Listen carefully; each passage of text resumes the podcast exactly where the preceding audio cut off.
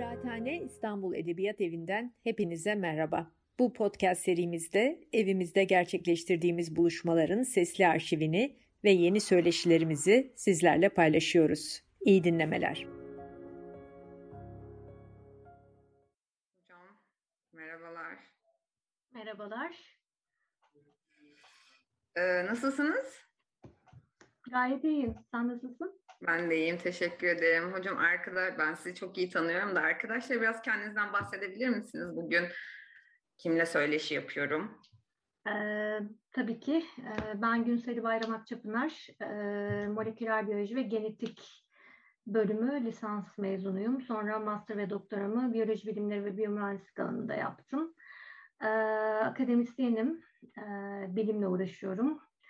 Ee, bilim yayıncılığıyla uğraşıyorum. Ee, Ginkgo Bilim'in bilim kurulundayım. Ee, akademik çalışmalarımı da, akademik ve bilimsel çalışmalarımı da hesaplamalı biyoloji, protein mühendisliği ve biyoteknoloji alanında e, yürütüyorum. Bugün de e, buradayız. Teşekkür ederim davetiniz için. Bugün e, biz unutulan bilim kadınları üzerine konuşacağız maalesef unutulmuş olanlar.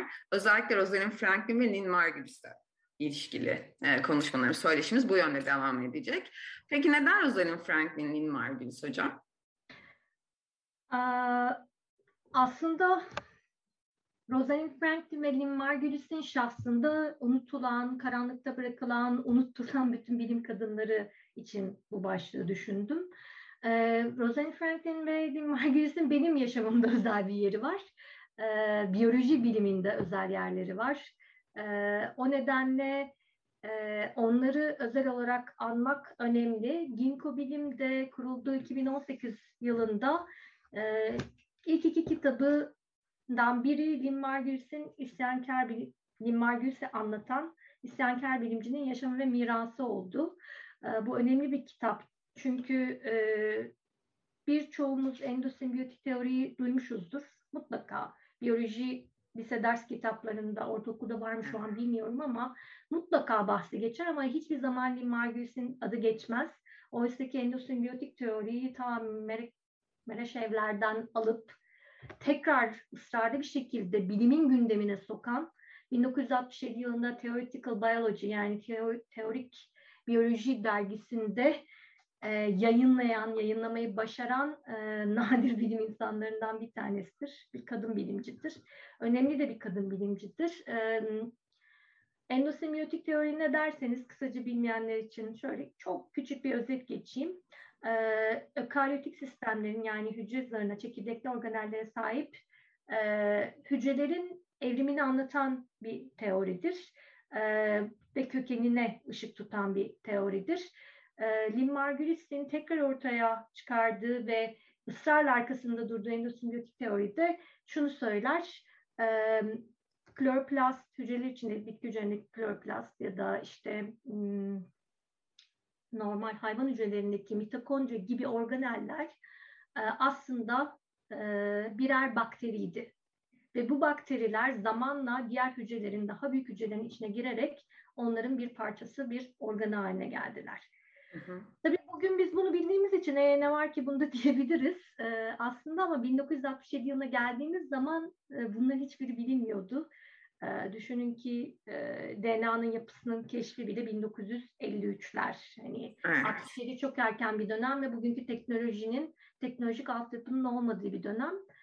Tabii ki o dönemde kadın olmak, kadın bilimci olmak daha da zor bu Theoretical Biology'ye yollamadan önce 15 kere red diyor Lynn Margulis bu makalesinde. Kadın olduğu için mi hocam? Kadın olması etkendir diye düşünüyorum ama tek başına bu değildir. Yani bir erkek yayınlasaydı belki daha hızlı olurdu. Ama evet. o dönemki genel trendlere baktığımız zaman şunu görüyoruz. Zaten çok az sayıda kadın var ve e, kadınların e, söyledikleri biraz daha geri planda kalıyor. Yani onların duyulması hep birileri aracılığıyla, birileri onların arkasında olursa oluyor ya da onlar artık kendi çabalarıyla ne kadar çıkabilirlerse birazdan da bahsedeceğim zaten ama yani bilim dünyasının da kadınların yer alması çok çok daha geç bir sürece denk düşüyor. Bugün baktığımızda Lynn Margulis'in teorisinin ne kadar doğru olduğunu biliyoruz. 15 kere reddedildikten sonra insanları ısrarla önlerine koyarak bu teorinin ders kitaplarına da girmesini sağladı. Bugün mitokondriyal DNA'nın varlığını biliyoruz. Mitokondriyal DNA'daki hasarlardan kaynaklı hastalıkları tartışıyoruz bugün. Yani bugün artık bizim doğru olarak kabul ettiğimiz şeylerin kökenlerini o gün büyük bir cesaretle ve tabii ki o cesareti aslında bildiklerinin doğru olduğuna ve deneylerle kanıtlayabilir olduğu şeylere dair de oturup birden fikir gelip öne sürmedi. Kendisinden önceki bilginin üzerine koyarak ve genişleterek gitti. O nedenle Lynn Margulis önemli bir figür. Ee, Rosalind Franklin peki? E, Rosalind Franklin de öyle. Ona geçmeden önce sadece küçük bir şey söyleyeceğim Lynn Margulis'le ilgili. Ölmeden hemen önce Amerikan Bilimler Akademisi'ne kabul ediliyor. 2000'li yıllarda Clinton döneminde e, Lynn Margulis. O zamana kadar da çok e, fazla sayıda göz ardı edildiğini söyleyebiliriz. E, belli başlı benim de desteklemediğim hipotezleri var ama e, genel anlamıyla baktığımızda çok bir kere yaratıcı e, ve neo-Darwinci bir ortamda e, aslında Kesinlikle. Ortak yaşam yoluyla evrim fikrini gündemimize soktuğu için rekabet yerine ortak yaşam yoluyla evrim son derecede öncü olduğunu düşünüyorum. O nedenle de oldukça önemli. Neden Rosalind Franklin? Ee, tabii serde genetikçilik olduğu için evet. Franklin e, bizim aslında ortaokul yıllarımızda çok bilmediğimiz, benim de üniversite yıllarına doğru geldiğimde keşfettiğim bir isim. Çünkü eğitimimiz ona çok e, yani üniversite eğitiminde bile daha yeni yeni yerini alan bir isim Rosalind Franklin. Neden o? Çünkü DNA'nın o ünlü 51 numaralı fotoğrafını çeken isim Rosalind Franklin ve o olmasaydı bugün DNA'nın yapısına dair bildiklerimiz bir tık daha geç çıkacaktı ya da hiç çıkmayacaktı.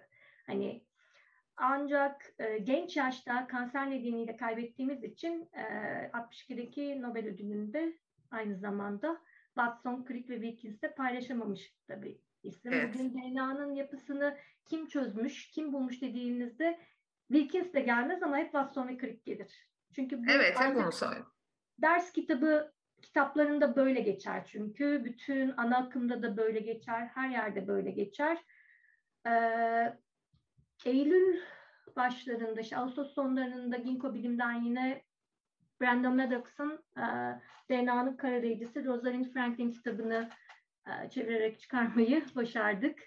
E, bu benim için önemli bir kitap. E, Türkçesi Sibel Sevinç tarafından e, Türkçe'ye Sibel Sevinç tarafından e, çevrildi. Çünkü e, Rosalind Franklin üzerine iki farklı stereotipleştirme var. Bir tanesi Watson'un e, Double Helix yani ikili sarmal kitabında yazdıklarından ve onun o dönemin şeyinden yola çıkarak huysuzlaştırılan kara, karanlık bir kadın bilimci figürü. Huysuz Rosie, onun kendi deyimiyle huysuz deneylerini paylaşmayan. Diğeri de ikonlaştırılan yani tam Watson'un bu çıkışına karşı feminist ikonlaştırılan bir kahraman Rosalind Franklin. Aslında ikisi de değil.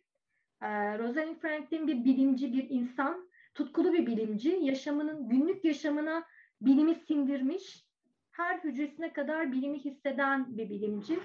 Ee, bu kitap da aslında onun insan yönünü, bilimci yönünü, yazışmalardan, o dönemin mektuplarından ve o dönemin bilim dünyasını analiz ederek aslında açığa çıkarıyor. Kitabın benim en çok hoşuma giden tarafı aslında buydu.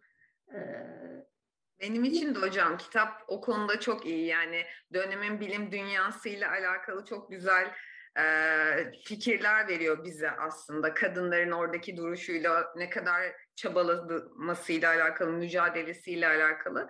Bir de ee, şimdi e, kayıtta yayında olan arkadaşlar siz de birazcık bahseder misiniz hocam? O dönemin bilim dünyası kitabı okuduğum zaman çok sinirlendiğim, çok kızdığım, çok üzüldüğüm, böyle kalbimin kırıldığı zamanlar oldu kitabı okurken. Bir de siz o dönem bilim dünyasından bahseder misiniz biz arkadaşlar da? Birazcık Tabii. fikir sahibi olabilirler. Yani kitabı evet okurken insan karışık ve çapraşık duygulardan evet. geçiyor. Özellikle kadınlar olarak hani bunları biliyoruz, sezinliyorduk ama hani o o o dönemi o mektuplardan ve o arka planda hani okumak evet bir bir e, duygusal bir e, yansıması elbette oluyor bunun. E, birincisi şuradan başlamak istiyorum. Mesela İngiltere'de kadınlara oy hakkı 1918'de veriliyor ve 30 yaşından büyük kadınlara. Rosalind Franklin 1921 doğumlu ve üniversiteye geldiği zaman da işte 38'ler tam İkinci Dünya, İkinci Paylaşım Savaşı'nın olduğu yıllar. Yani aslında çok zor ve çetrefilli bir dönemde okuyor. Eğitimli bir aileden geliyor. Orta üst sınıf diyebileceğimiz. Bunun avantajlarını eğitiminde kullanıyor. Din Margulis'in tersine. Din Margulis'te bu biraz daha öğretmenleri sayesinde gittiği okullar sayesinde gelişiyor. Ee, Rosalind Franklin'de çok küçük yaştan itibaren halasının deyimiyle korkunç zeki olarak tanımlanıyor. Matematikte çok iyi ve kardeşleriyle böyle sürekli didişen e, haylaz kız çocuğu şeyi var. E, bazen kışkırtıyor, kışkırtmayı seviyor. E, ve hani o kaba sığmayan bir kız çocuğu ve çok erken yaşta yatılı okula gidiyor. Sonrasında da bir Cambridge serüveni var. E, lisans eğitimini aldı e, ve burada savaşın da etkisiyle göç edip gelen, göç etmek zorunda kalan İkinci Dünya Savaşı'nın iyi hocalarla eğitim görme fırsatı da oluyor. Örneğin Max Ferus gibi bir isim burada hemen göze çarpıyor kitapta da. Max Ferus belki duymuşsunuzdur. Hemoglobinin yapısı üzerine uzun yıllar çalışıp hemoglobinin kristal yapısını çözen isimlerden biri. Ee, ama şu, o döneme baktığımızda işte 18'de dedik kadınların seçme hakkı var 30 yaş üstü kadınların. Ee, 1859-69 59 ya da 69 e, Newham Koleji ve bir kolej daha Cambridge'in altında kadınları eğitime kabul etmeye başlıyor. Ancak e, onlar sadece öğrenciler, ünvan almıyorlar. Mezun olurken bile erkek öğrenciler mezuniyet töreninde yerlerini alırken cübbeleriyle kadınlar erkeklerin eşliğiyle beraber işte eldivenlerini, e, şapkalarını takıp seyirci pozisyonunda beklemek durumundalar ama bu o dönem büyük imkansızlıklar dönemi ve hani oraya girmek bile önemli bir şey. Orada öğrenci olarak bulunabilmek bile önemli bir şey olarak görülüyor ve bir kota var. Yani işte bir senede 500 kişi, %10'luk bir kadın kotası var oralara girmek için. Rosalind'in girdiği dönem böyle bir dönem. Yine e, şöyle bir baktığımız zaman erkek ve kadın çalışanların, akademisyenlerin yemekhaneleri, daha doğrusu kadınlara ayrı bir yemekhane yok. Bir erkeklerin yemek yediği bir salon var, bir de karma salon var. Ve üniversitelerin yapılarına baktığımızda hala o teoloji bölümlerinin işte King's College gibi üniversitelerin et, ağır etkisini görüyoruz. Ee, daha çok işte teoloji öğrencilerinin olduğu ve onlara uygun konumlanmış işte 1800'lerin etkilerini hala 1900'lerin başında taşıyan kurumlar ve kadına çok alışkın kurumlar değil. O dönem birçok bilimcinin, kadın bilimcinin teknisyen, e, çünkü kadro yok. Yani çalışabilecek de bir kadro yok. Teknisyen olarak çalıştığında alabileceği bir para yok ve yukarılarda çalışması yasak. Bu özellikle fizikçilerde ve kimyacılarda daha yaygın. Bodrum katlarında kimseye görünmeden çalışan, eş kontenjanından çalışan, eşi de akademisyen ve bilim insanı olduğu için çalışan birçok kadın bilimci portresini görüyoruz. Rosalind bir tık daha şanslı onlara göre çünkü eğitiminden sonra Fransa'ya gidiyor. Fransa'da merkez laboratuvarda çok iyi bir grupla çalışıyor ve orada iyi bir al bilim ağı ve iyi dostluklar kazanıyor. Hem bilimsel hem şahsi. Sonrasında Londra'ya döndüğü zaman işte bu ortamı tam orada bulamadığı için ve savaş sonrası 41 gibi falan dönüyor 1941 yılında biraz bocalıyor. Rosalind neler yapmış biraz onlara değineyim mesela eğitiminde. Ee, şöyle bir baktığımızda işte lisans eğitiminde kömür üzerine lisans eğitim, pardon, lisans eğitimi fiziko-kimya üzerine Cambridge'de. Sonrasında yüksek lisans doktora eğitiminde kömürün yapısı, moleküler yapısı üzerine çalışıyor ve kömürün delikli yapısının e, ölçümlerini yapıyor. Farklı kömür çeşitlerinin sınıflandırılması üzerine çalışıyor. E, ve beş tane falan da e, yayınla, makaleyle tezini bitiriyor aslında. Sonrasında e, bir burs alarak e, bir sene şeyde çalışıyor. Sonra kömür kurumunda çalışmaları var. E, gene benzer şekilde. Ve sonrasında Paris'e gidiyor. Paris'te kömürün de değil ama kömürle bağlantılı grafitleşen karbonun hı hı. yapısını araştırıyor. Burada X ışını kristallografisi yöntemini zaten daha önce Bragg'i dinleyip Cavendish laboratuvarlarından o ünlü Bragg yasasını bulan, babasıyla bulan Bragg'i ve Nobel ödüllü Bragg'i dinleyip almış. E, şey e, X ışını kristallografisinin yöntemini duymuş olarak Paris'e gidiyor ve büyük bir heyecanla X ışını kristallografisi yöntemini e, grafitleşen ve grafitleşmeyen karbona uygulayıp yapılarını açığa çıkartmaya çalışıyor. O döneme baktığımızda şunu da söylemek isterim. Mesela kadınların pozisyonuyla ilgili 1950'lere kadar olan dönemi alalım örneğin. Hı hı. E, toplamda 3 4 Nobel verilmiş kadınlara. 4 bunlardan iki tanesini Marie Curie almış fizik ve kimya alanında. Bir tanesini Irene Julia Curie almış Marie Curie'nin kızı. Bir tane de tıp Nobel'i verilmiş 47'lerde. Yani e, hani oradan düşünelim bilim dünyasını anlamak hani Nobel ödülü tek belirteç değil ama evet. bir gösterge bunu böyle kabul edelim. E, bugüne baktığımızda, bugünden geriye baktığımızda mesela fizik alanında hala e, Nobel ödülü alan toplamda sadece dört kadın var günümüz 2020. Evet fizik alanı birazcık daha katı o konuda anladığım kadarıyla. Evet. Daha erkek egemen modunda devam ediyor diye düşünüyorum gördüklerimden yola çıkarak da. O zaman da öyleymiş okuduğumdan, kitapta anladığım evet. şekliyle. Şu anda sanırım o şekilde devam ediyor. Hatta maalesef. şöyle durumlar var. İşte Harvard'ın fizik bölümü kadınların uzun süre derse girmesine, akademide olmasını istemiyor ve karşı yani karşı tutmalıyor. Ee, işte Binaya bile giremiyorlar evet, galiba evet. hocam değil mi? Binaya evet. bile gidemiyor kadınlar. Fizik binasına giremiyorlar. Gizli gizli siklotronda çalışmak için gizli gizli bir gece girmek zorunda kalan kadınlardan, kadın bilimcilerden bahsediliyor ve e, Royal Society e, 1950 yılına kadar toplamda 7 kadın üye kaydediyor. Yani Kraliyet Bilim Akademisi'nden bahsediyoruz. Dolayısıyla hani biraz göreceli olarak işte Rosalind'in yaşadığı 1921 ile 58 yılları arasındaki tablo bu. Çoğu bilim akademisi bu sadece İngiltere özelinde değil ama 70'li yıllara 1970'lere kadar kadın kabul etmeyen bilim akademileri vardı. Ee, tarihimiz kara bir tarih bu açıdan.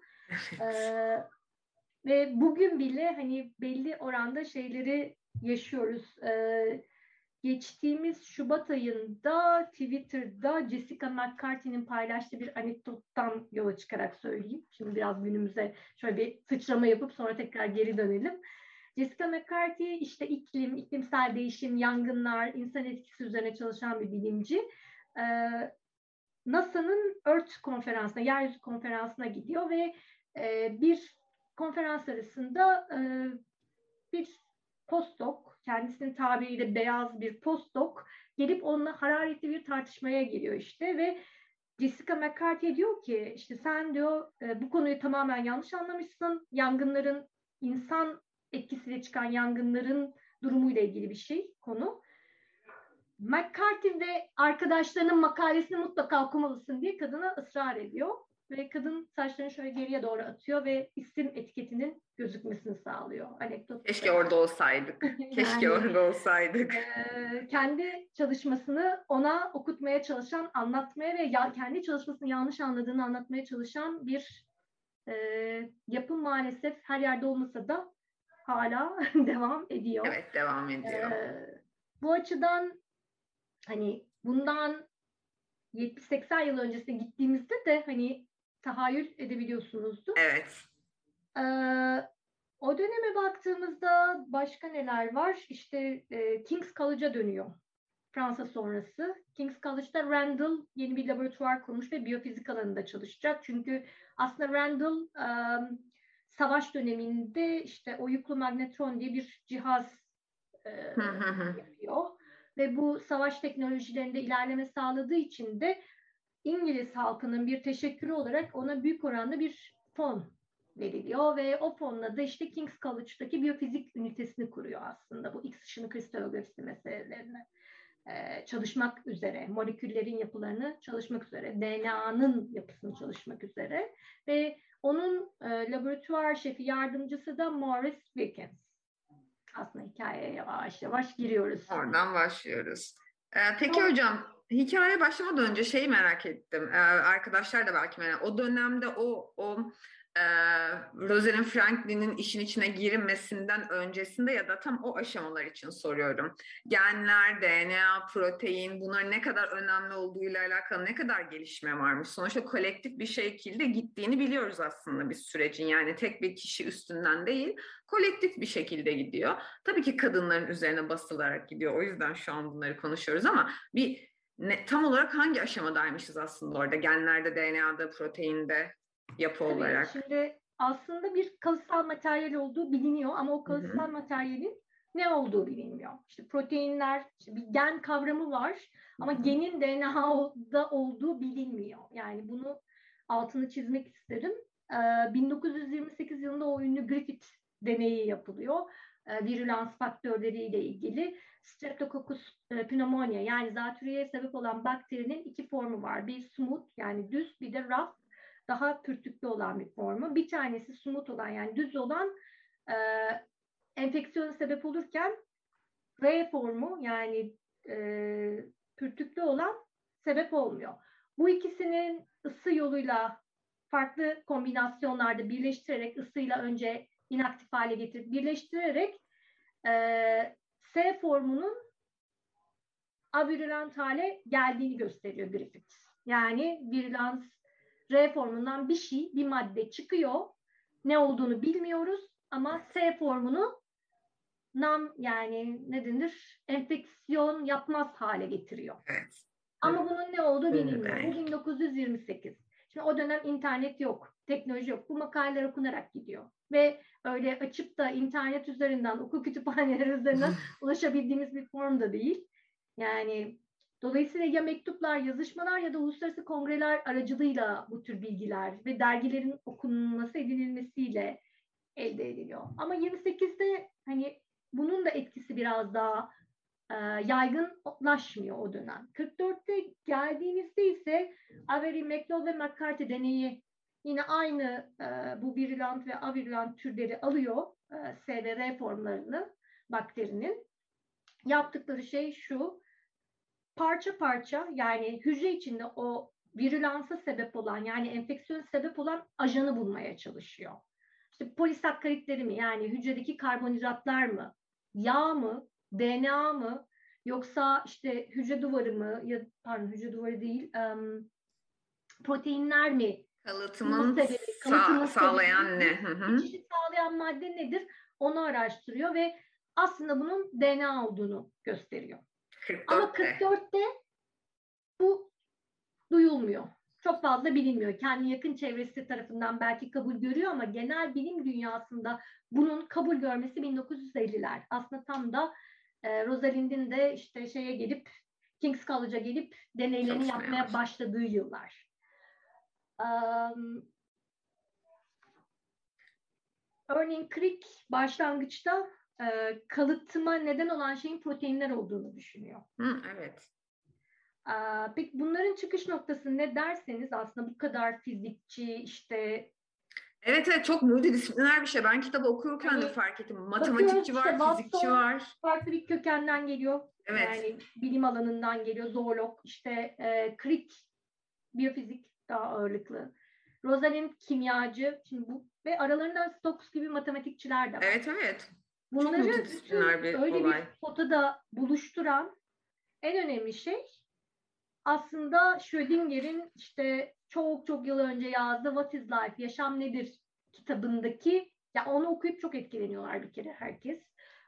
Çünkü Schrödinger orada yaşamı oluşturan moleküllerin fizik ve kimya teknikleri kullanılarak, fizik ve kimya teorileri kullanarak anlaşabileceğini savunuyor ve birbirlerinden ayrı değil. dikkati buranın üzerine çekiyor ve aslında Watson'un da Watson da bundan etkileniyor. İşte e, bildiğimiz kadarıyla bütün o kadar fizikçiyi, zorluğu ya da şeye iten şey aslında bu What is Life oranın merkezinde duruyor gibi. Evet. Ee, Rosalind geldiğinde aslında ilk laboratuvara geldiğinde proteinler üzerine çalışacağını düşünüyor. Proteinin X ışını kristallografisiyle yapılarının çıkarılması. Ee, bu arada küçücük bir anlatayım X ışını kristallografisi nedir? Aslında e, X ışını kristallografisi X ışınlarını molekülün üzerine bir makro molekülün DNA olabilir, protein olabilir, bir pudra formunda bir kimyasal olabilir yollayarak oradan gelecek saçılımları, ışık saçılımlarını bir film üzerine yansıtıp orada çıkan paternleri ve motifleri matematiksel denklemlerle çözüp yapıya gitme yöntemi. E, o dönem bu teknik biliniyor.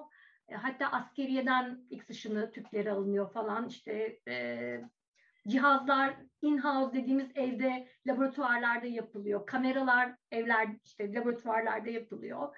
Ve böyle bir dönemde protein yapısı çalışmaya Randall aslında Franklin'i davet ediyor.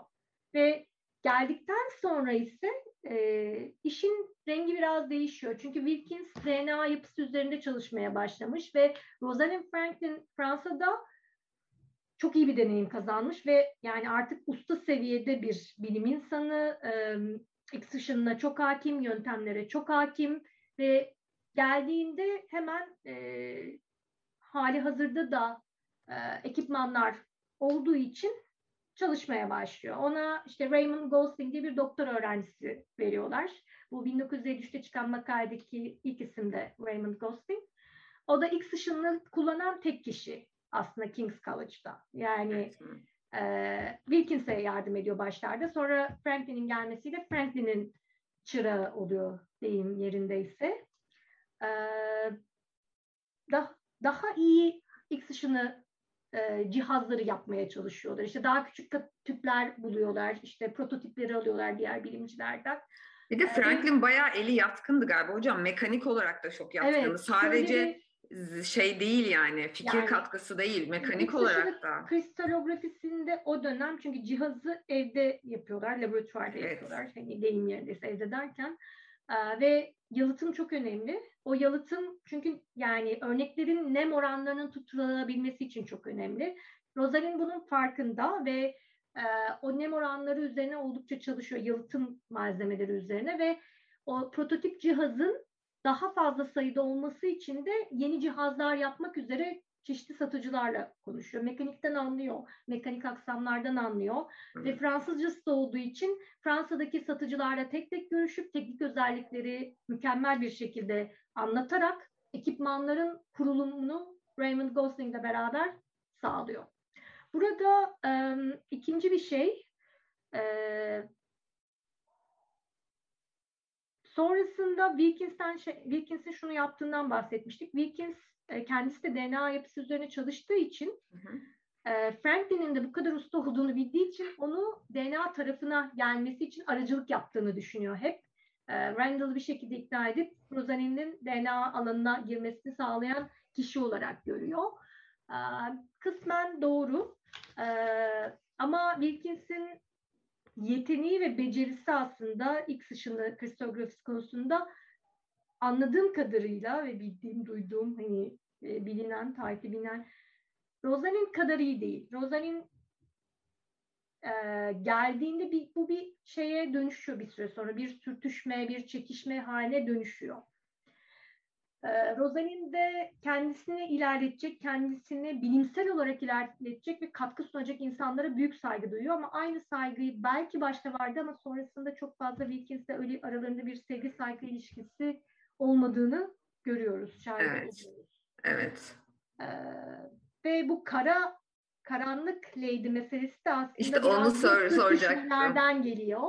Evet asıl bu yani DNA'nın kara lady'si yani bu e, Rosalind Franklin'in kendisi için söylediği bir şey değil sonuçta. Yani bu tanım nereden çıktı? Yani bu yazışmalarda da vardı. Rosalind Franklin neden DNA'nın kara lady'si olarak tanımlandı? Peki biraz daha geriye saracağım. Tamam. 1951 yılında Naples'ta, Napoli'de işte bir kongreye gidiyor e, Wilkins ve Rosalind. Burada işte resimler, Rosalind'in resimleri vesaire çektiği X ışını fotoğraf resimleri de var.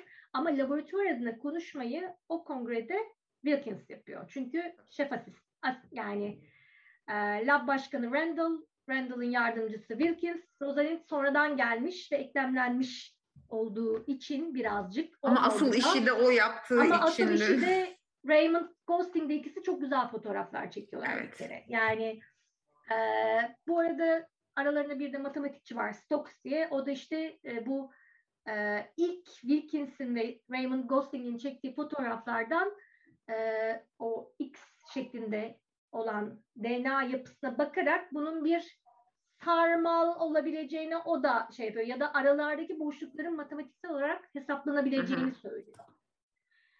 Ee, aslında o, o işte 50'ler 51'ler. 51'de Watson'da o konferansta ve Watson'un aslında İngiltere'ye gelişini sağlayan da Wilkins'i o konferansta dinlemesi. İlk şey, ilk tetikleyen Schrödinger'in o What is Life kitabının üstüne Watson bir şekilde ayarlayıp Crick'in yanına e, Cavendish laboratuvarlarına Cambridge'e geliyor.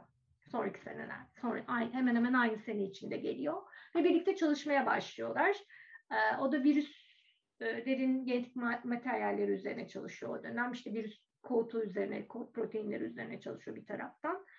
E, Wilkins ama Wilkins'in fotoğrafları çok net değil. Yani Rosalind gelene kadar fotoğrafların kalitesi aşırı düşük.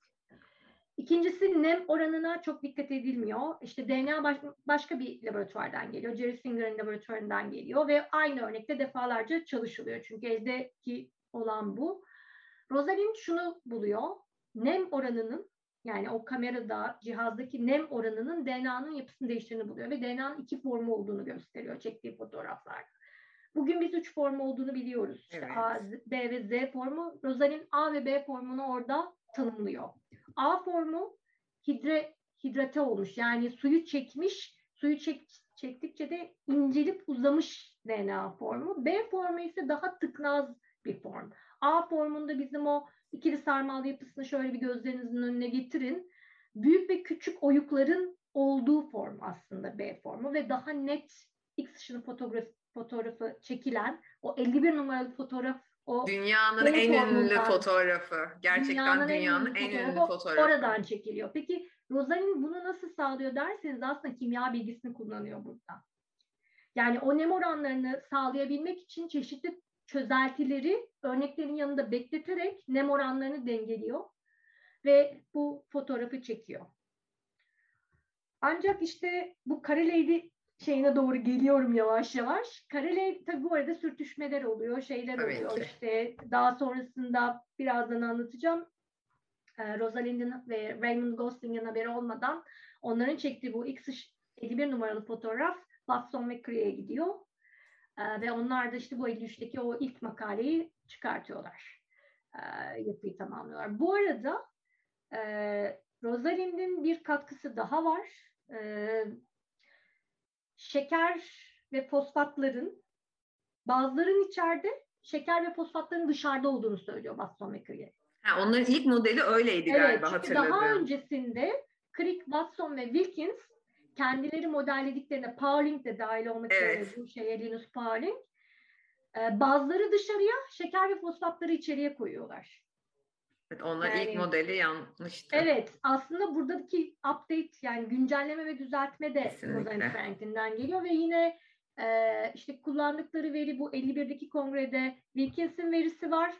E, Rosalind'den gelen bu e, şeker fosfatın dışarıda olduğuna dair bir veri var. Artı e, üç boyutlu yapıyı çözerken e, Rosalind kendisi de matematiği çok iyi kullandığı için belli başlı uzay grup hesaplamalarını kendisi yapıyor ve DNA'nın antiparalel olduğunu gösteriyor. Yani bir ipliğin yük, bir yöne, diğer ipliğin diğer yöne olduğunu da söyleyen aslında Rosalind Franklin. Yani 20. yüzyılın en büyük keşfinin yolunu açan Rosalind Franklin. Yani, te, yani evet. Onu, o ve yok sayılamaz. Yok sayılamayacak katkısı olan kişilerden bir tanesi. Sonrasında yine MRC yani Medical Research Unit İngiltere'de önemli bir kurum. E, Rosalind Franklin'i fonlayan kuruluş bu. Watson ve Crick'i fonlayan kuruluş da bu. Onun bir yıllık raporunda Rosalind Franklin'in sonuçları var. Gosling ve Franklin'in. Watson ve Crick o raporu da okuyorlar.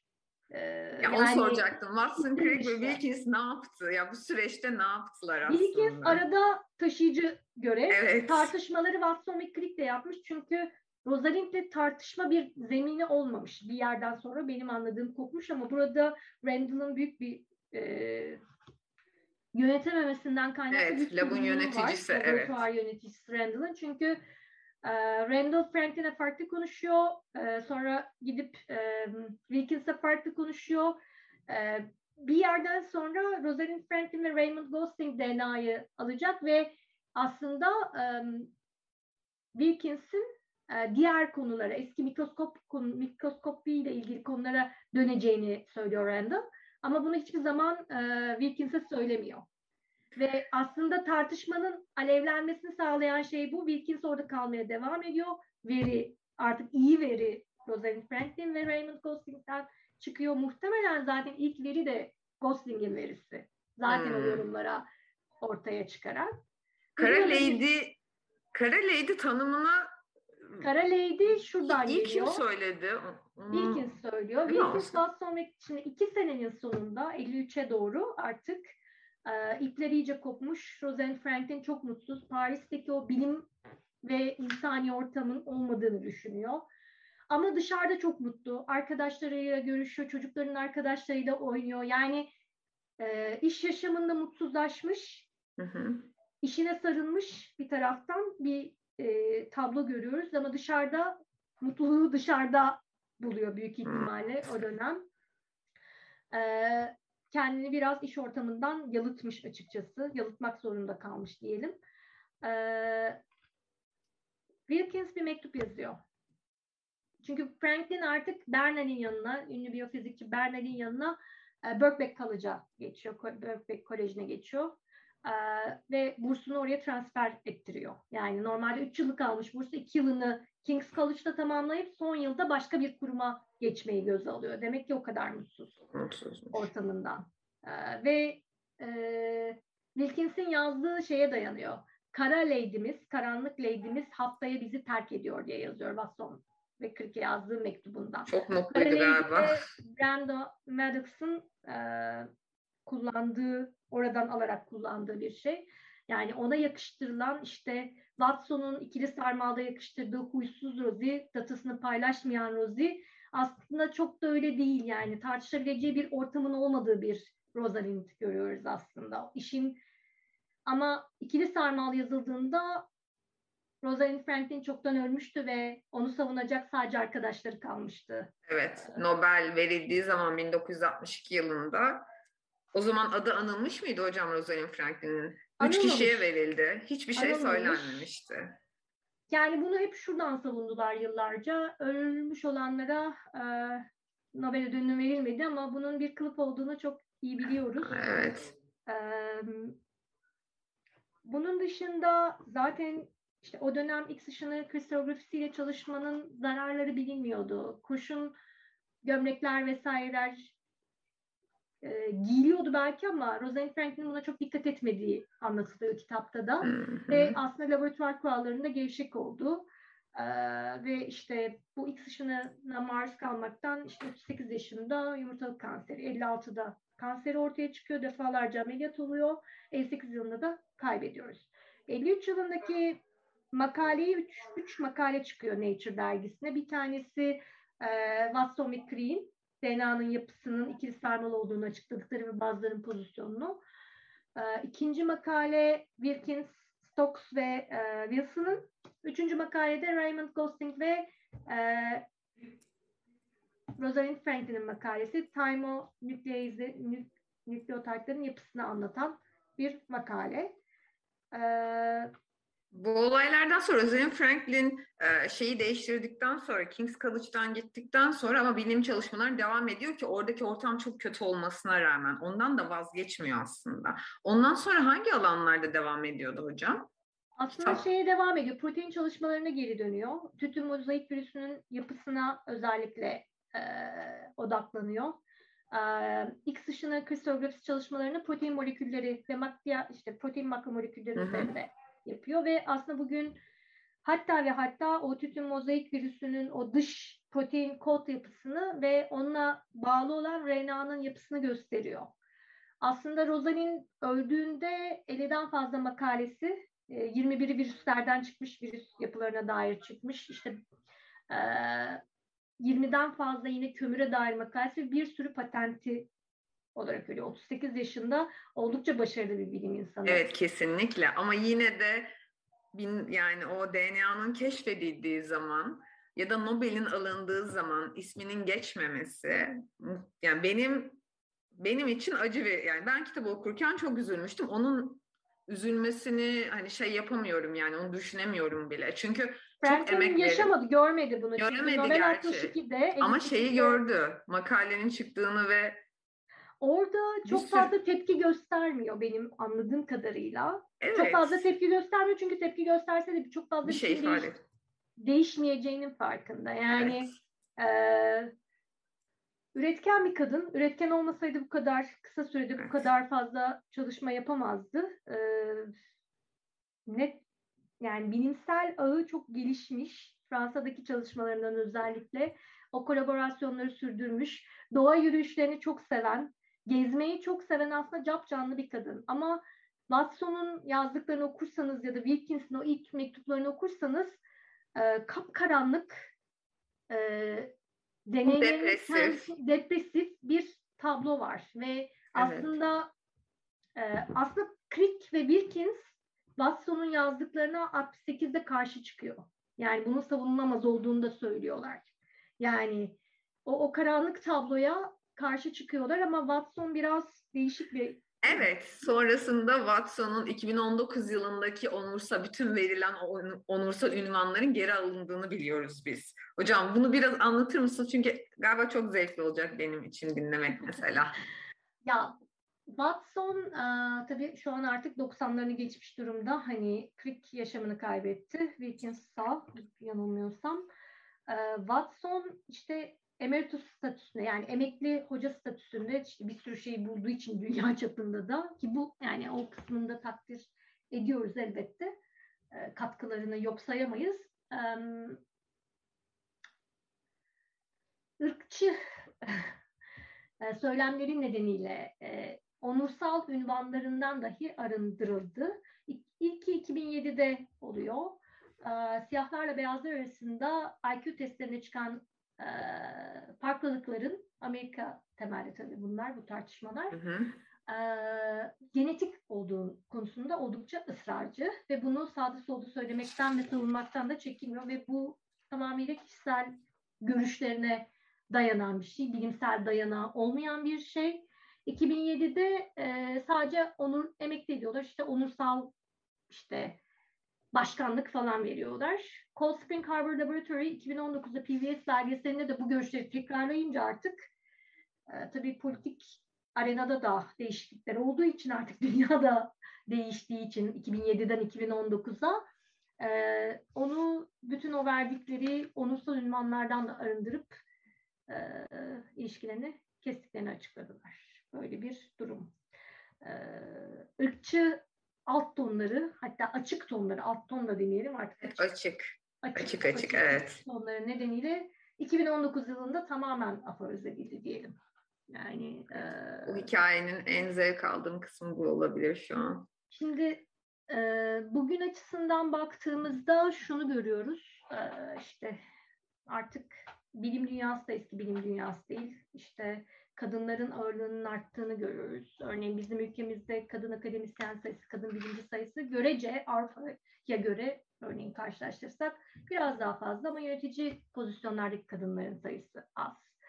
Ee, işte kadın kotaları var artık. İşte projelerde var, istihdamlarda var. Amerika ve Avrupa özelinde özellikle. Ben 2006 yılında Delft Teknik Üniversitesi'ndeydim. Medyamatik bölümünde 3 aylığına bir değişim programı ile gitmiştim. Mesela binada 3 kadındık. 20 katlı bir binada. Doktor öğrencisi olarak. Hmm. Bu eşitsizlik bilimin her alanında hala bazı alanlarda daha yoğun olarak devam ediyor. Matematik elektrik fakültesiydi çünkü bina. Türkiye'de de eskiden evet. konuşulurdu belli başlı fakülteler için. Bugün onun kırıldığını, bir, bir nebze olsun kırıldığını düşünüyorum. E, bu eşitsizliğin sonraki etkilerini yaşıyoruz. Günlük yaşamımızda da yaşıyoruz aslında. İşte şahit oluyoruz. Daha geçenlerde MIT'de böyle bir olay oldu. İşte e, ünlü bir profesör, işte rockstar, rock yıldızı e, olarak tanımlanan bir profesör taciz nedeniyle ilişiği kesildi soruşturma açılarak. Ama kurumsal düzeydeki tepkinin son tartışmalar şunu söylüyor. İşte aslında e, birçok e, fona, bilimsel fona başvururken de aslında bilimsel şarlatanlık yapmış, yalancılık yapmış. E, fake data yani yalan veri, e, fabrike edilmiş veri kullanarak e, fon başvuruları yapmış. Ancak kurumlar bu kısım işin içine girerse kurumlar zarar görür diye çok fazla bu kısmından gitmek istemiyor. Tacizler artık ayyuka çıktığında onunla ilişiyi kesmeyi e, tercih ediyor. Bu da bir ilerleme ama yeterli değil. E, o, o kültürün değişmesi biraz e, bu bu tür şeylerle olacak. Bu tür e, biz aynı, olacak. Evet evet yani, aynı mücadeleyi vermiyor muyuz hocam Franklin'le Franklin gibi? Yani aynı şeyler devam ettiği alanlar hala var. Yani hala bir mücadele var ki yani bireysel de var, işte e, kadınların birbiriyle desteklediği gruplarla da var hala ama aynı mücadeleyi veriyoruz. Ama o kadar o kadar mı?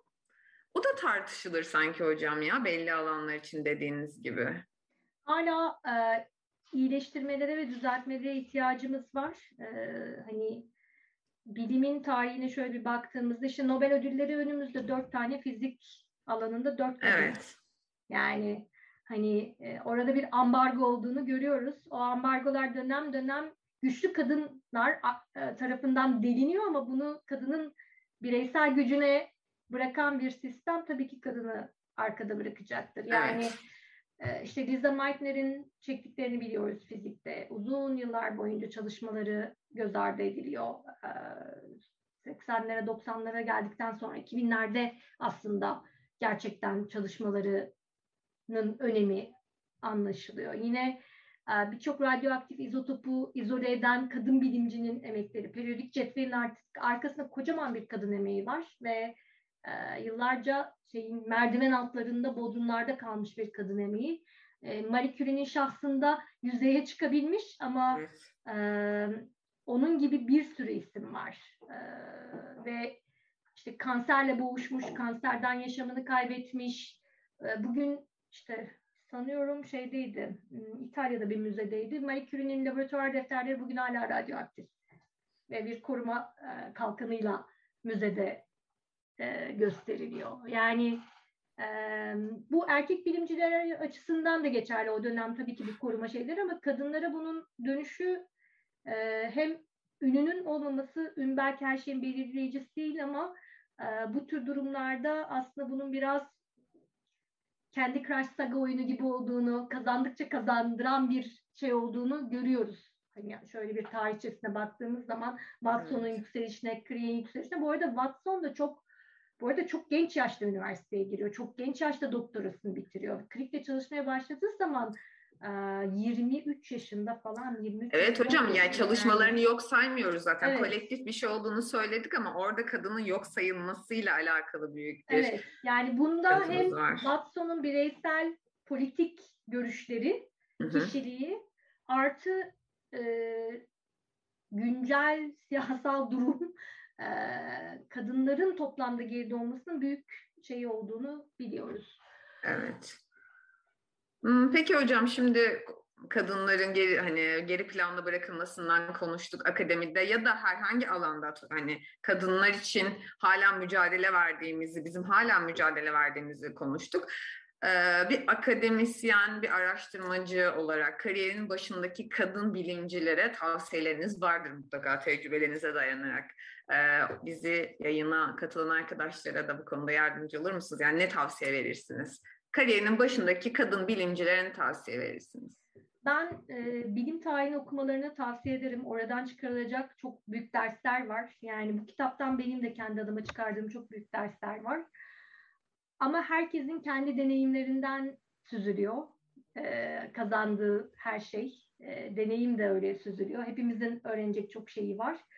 E, çalış yani çalışmaları zaten gerekiyor. Hepimiz bunu yapıyoruz zaten. Hani o, o zaten verilecek bir tavsiye değil ama e, tarihlerini bilmelerini isterim. Bilim tarihini, bilim tarihinde kadınların yerini okumalarını ve e, sadece bilim tarihi bir tarih silsilesinde değil ama bütün bu olaylarla beraber. Mesela burada şeyi görüyoruz işte Şargaf'ı görüyoruz arka planda. Perus'u görüyoruz. Yani bilimin toplamda nasıl ilerlediğini aslında bu tür kitaplardan o dönemin başka makalelerini okuyarak da takip etsinler. Bugün ve en önemlisi sorgulamak ve kendin olmak. Yani kendi kimlikleri, kendileri birey olarak da orada var olabilmeliler. Ve sorgulamayı, kritik düşünmeyi, eleştirel düşünmeyi bırakmamaları. Mücadeleye yani, de devam etmek kadın değil mi? hem erkek bilimcilere tavsiyen, bilimci adaylarına tavsiyen ve tabii ki mücadeleyi bırakmamak. Yani e, her alanda var olmak. Yani fizik alanında olamaz mı? Olur. Oluyor, görüyoruz, var. Artıyor yani. Olacak da, olacağız. Olacak da. Yani bunu bugün kabullenmiyorlarsa yarın kabullenecekler ve biz o kabullenmelerinin yolunu açacağız. Başka bir çıkış göremiyorum açıkçası. Evet yani kitabı oku, okuyan arkadaşlar olacaktır ki ben tavsiye ederim. Çok severek okudum bu arada Dayana'nın Kara Lady'sini. Hani kitabı okurken de ben bazen çok depresif hissetmiştim. Dediğim gibi yapılan şeyler karşısında çok üzüldüm, kalbim kırıldı, çok sinirlendim. Ama Franklin hala devam etmesi de insana güç veriyor hocam. Hala devam ediyor. Bırakmadı. Evet. Mesela düşünüyorum geri bakıp ben devam edebilir miydim? Etmek lazım. Yumurtalıklarını alıyorlar. Onlarca ameliyat geçiyor ve ağır ameliyatlar. O dönemdeki evet. şimdiki kanser ilaçlarının olmadığı bir ya da ilaçların olmadığı bir dönemi düşünün. Ama orada bile e, laboratuvarına fon bulmaya çalışıyor. Umudu evet. hep var. Yani yaşama dair umudu her zaman var. Araştırmaya tutkulu e, bir bilimci. E, son olarak ben belki e, bir alıntı okumak isterim. Evet çok isteriz hocam. Bir tanesi Rosalind Franklin'den ve bilimi yaşamının bir parçası olarak görüyor. Bu alıntı da onunla ilgili. Babasına yazdığı bir mektuptan ve bu mektup onun öğrencilik döneminde yazdığı bir mektup. Çok çok erken dönemlerinde. Yaşamda çok kararlı, ne istediğini çok bilen bir kadın bilimci. Evet. Bilimi insanın bir tür ahlak bozan bir keşfi, gerçek hayatın dışında ve dikkat edilmesi gereken, günlük varoluştan ayrı tutulması gereken bir şey olarak görüyorsun. Ya da en azından öyle diyorsun. Ama bilim ve günlük yaşam birbirinden ayrı tutulamaz, tutulmaması gerekir. Bilim bence hayata kısmen açıklama getiriyor. Bilimin dayandığı şey olgu, deneyim, deney.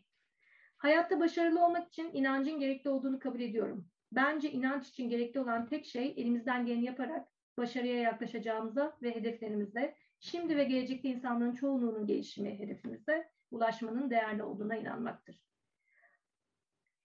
Ee, yaşamında bilimi o kadar özümsemiş ki babasıyla e, bu konuları günlük yaşamında bilimin neden olduğunu, inancın nasıl bir yer tuttuğunu, inancı nasıl algıladığını çok çok genç yaşında bile tartışabilen kararlı bir bilimci aslında o dönem. Kesinlikle. Ee, bir de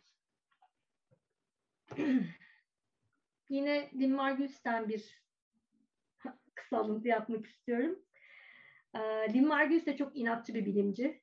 Hatta ve o da çoğu zaman şeytanlaştırılıyor işte o inatçı kadın ve evet. kimse yapabuç bırakmıyor aslında. Doğru bildiğini ama bilimsel verilerle destekleyerek öyle boş konuşarak ya da atıp tutarak değil sonuna kadar gidiyor. Ondan çekinmiyor. Böyle bir tartışma kültürü var. Aynı zamanda dünyaya dair söyleyeceği, söylediği birçok şey var. Yani kendini yalıtmış biri değil de halk için bilimi savunuyor. Halka açık olmayan bir bilimin bilim olmadığını söylüyor. Fikirlerimin tartışmalı olduğunu düşünmüyorum, doğru olduğunu düşünüyorum. Bu kadar net ve inatçı. hani kişilik şeyleri. Evet yanlış yapmış ama hangimiz yapmıyoruz ya da kimler evet, yapmıyor?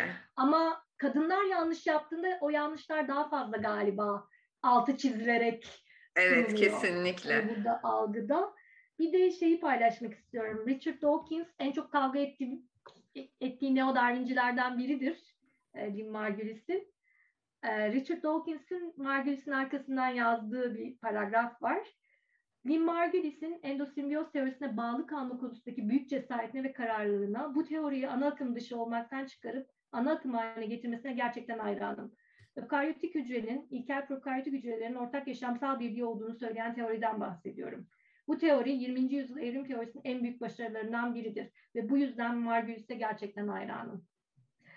Ee, hayran olmamak elde yani bunu söylemek hayran olmamak elde değil zaten hocam. Yani o süreçte bu inat edip sürekli reddedilip ama aynı zamanda aynı inatla aynı kararlılıkla devam etmek inanılmaz bir şey. Bu arada bir arkadaşımız e, chatten bir şey sormuş hocam size onu da yönlendireyim soruyu. Moleküler biyoloji ve genetik alanında akademide ilerlemek isteyenlere tavsiyeleriniz nelermiş? Aslında az önce saydıklarımdan çok farklı değil. Bol bol Kadın, erkek, çalışmak evet. ve kendini geliştirmek. Hem laboratuvar alanında, akademide ilerlemek demek moleküler biyoloji ve genetikte teorik biyoloji yapmıyorsanız aslında laboratuvara girip ıslak laboratuvarda çalışmak demek. Bir tekniklere hakim olmak. iki o tekniklerin neyin nasıl yapıldığını bilmek. Troubleshooting dediğimiz yani bir sorun olduğunda o soruna nasıl müdahale edebileceğini bilmek. Teknikleri okumak ve uygulamak bilim insanlığı değil aslında. O tekniklerde nasıl geliştirdiğini bilmek, yeni teknikleri üzerine koyarak gidebilmek, başka alanlardaki teknikleri bu alanlara uyarlayabilmek, sorgulamak. Bizde çok göz ardı edilen bir şey var. Biz hipotezlerimizi en son oluşturuyoruz. Hipotez oluşturmak bilimde çok önemli bir şey. O hipotezleri oluşturacak bilgi birikimini toplayabilmek önemli. Onun için de gerçekten e, derin okumalar yapmak gerekiyor. Bütün bir külliyatı, bilimin külliyatına bütün hepsine bakmak mümkün değil ama o alandaki özel külliyata ve eski tarihsel akışına da bakmak gerekiyor bence. Çünkü e, burada şöyle sorunlarımız olabiliyor. E, artık internet çağındayız. Deli gibi bir bilgi birikti. Çöp bilgi de birikti. Bu evet. bilimsel makaleler açısından da böyle kritik okuma yapmak, rasyonelliğinizi çalıştırmak size şunu kazandıracak. O çöp bilgiden anlamlı bilgiyi ayrıştırmayı, doğru ayrıştırma yöntemlerini bulmayı. En önemlisi hangi alanda olursanız olun bunu yapmak durumunda kalacaksınız. Yanlış bilgiyle başlarsanız yanlış bir sonuca varırsınız. O yüzden o ayrıştırmayı yapacak kritik, rasyonel düşünme yollarını geliştirmeniz gerekiyor. Benim en büyük önerim bu. Ve öğrenmekten çekinmeyin. Sorgulamaktan, soru sormaktan çekinmeyin. Ee, benim Türkiye'de gördüğüm en büyük şey, yurt dışında da çalıştım. Ee, soru sormaya korkuyoruz, çekiniyoruz. Bizimle dalga geçerler. Konuşmaya çekiniyoruz. Bunları kırmak lazım. Sormak lazım. Sormaktan çekinmemek lazım. Evet sistem birazcık sormaktan çekinmeye itiyor olabilir bir öğrenci Kişiler olarak, de itiyor aynı. olabilir ama evet. sormaktan çekinmemek lazım. En büyük, en önemli tavsiyem bunlar yani. Zaten su akıp yolunu buluyor bir şekilde. Başka sorusu olan var mı acaba? Bir dakika, bir tane daha. Bakıyorum şimdi. Hocam Batı özellikle Katolik Kilisesi klişesi sebebiyle uzun bir süre en eski ve en kadim medeniyet olan Antik Yunan'ı tüm felsefenin ve bilimin oradan geldiğini kabul etmiş. Bir arkadaşımızın sorusunu bu arada okuyorum size. Orada da kadınlar ve çocuklar köle, köle olarak çalışıyor ve soylu erkekler felsefe gibi konularla ilgileniyormuş her zaman olduğu gibi. İskenderiye doğumlu e, İskenderiye doğumlu kadın Yunan matematikçi e, tarihçi Sokrates tarafından politik sebeplerle olduğu iddia edilse taşlanarak öldürülmek taşlanarak öldürülmüş diyor hocam bir tane şey. Hipatya. Ha Hipatya, Hipatya. Ee, Hipatya ile ilgili bir çeviri gelir mi Ginko'dan diyor. Bir de e, kadının bilim felsefeden uzaklaştırılması ve izole edilmesinin normal algılanmasında antik Yunan kültürünün yüceltilip miras alınmasında etkisi olabilir mi? Bir çeviri gelir mi diyor Hipatya ile alakalı Ginko'dan. Bir de e, felsefeden uzaklaştırılması Yunan kültürünün yüce, yüce, hani yücelleştirilmesiyle ilgili olabilir mi? Demiş bir arkadaşımız. Tabii ki bunun yani tarihsel köklerine bakmak gerekiyor. İşte ataerkil topluma geçişten itibaren yani bunun kökleri bunu tarihçiler ve bu alanda çalışanlar daha iyi bilir benim doğrudan alanım değil ama Hipatya ile ilgili bir çeviri neden olmasın? Hani çok, çok güzel olurmuş. Evet. Güzel de olur. Bu önerinizi de Ginko'ya ileteceğim. Evet. Ee, evet. Başka sanırım başka soru yok. Bir yok. Sanırım başka sorumuz yok. Tamam. Hipatya çevirisini Ginko'ya iletirseniz ben de çok heyecanla beklerim bu arada hocam. Çok Bakar, güzel bir şey olmuş. Hani başta belki saymayı unuttum ama um, işte Jane Goodall'den Mary Anning'e işte bilimde birçok kadın var. Bunları bilmiyoruz. Hikayelerini bilmiyoruz. İşte Mary Anning'i duyan var mı bilmiyorum. Ee, kendisi e, iki Tyrannosaurus fosilini toplayan ve hani alaylı yetişen bir e, paleoantropolog diyebileceğimiz e, bir kişi. Okullu değil. E, tamamen yaşadığı kasabanın kenarlarında fosil toplayarak kardeşiyle beraber bu işe giriyor ama bir süre sonra kendini o kadar eğitiyor ki o fosilleri tanımlaması okullu paleoantropologlardan bile daha iyi 1800'lü yıllarda. İşte Mary Anning var, Jane Goodall var. Yani burada şu an aklıma gelmeyen Hipatya'dan başlayan bir e, kadın bilimci geleneği var. Evet, daha öncesinde belki bu biraz daha okumuş sınıflara özgü bir şey ama ee, sonrasında bu sayının giderek arttığını, birçok kadın bilimcinin olduğunu görüyoruz. Şu an dünya üzerinde de birçok kadın bilimci var. Dolayısıyla kadınlar her yerde, e, her alanda her yerde olacağız da. Olacak. Herkes evet. alışsın. Herkes alışsın. Belki öyle bir seri gelir hocam. Aslında biraz e, böyle düşünmüştük ama hı hı. E, işte e, serilerimiz e, ilk ikisi Lynn Margulis ve e, Rosalind Franklin olmasının daha anlamlı olduğunu düşünüyoruz. Evet biraz Ginkgo'da şuna dikkat ediyoruz. Çok fazla bilinmeyen, çok fazla göze çarpmayan, göze çarpmamış e, bilimcileri de e, insanların gündemine sokmaya çalışıyoruz. Çok seviniriz hocam. Yapmış. Çok teşekkürler tekrar. Ee, ben teşekkür ederim. Çok güzel bir söyleşiydi. Umarım izleyenler de katılanlar da çok zevk almışlardır. Başka söyleşilerde görüşmek üzere. Hoşçakalın. Hoşçakalın.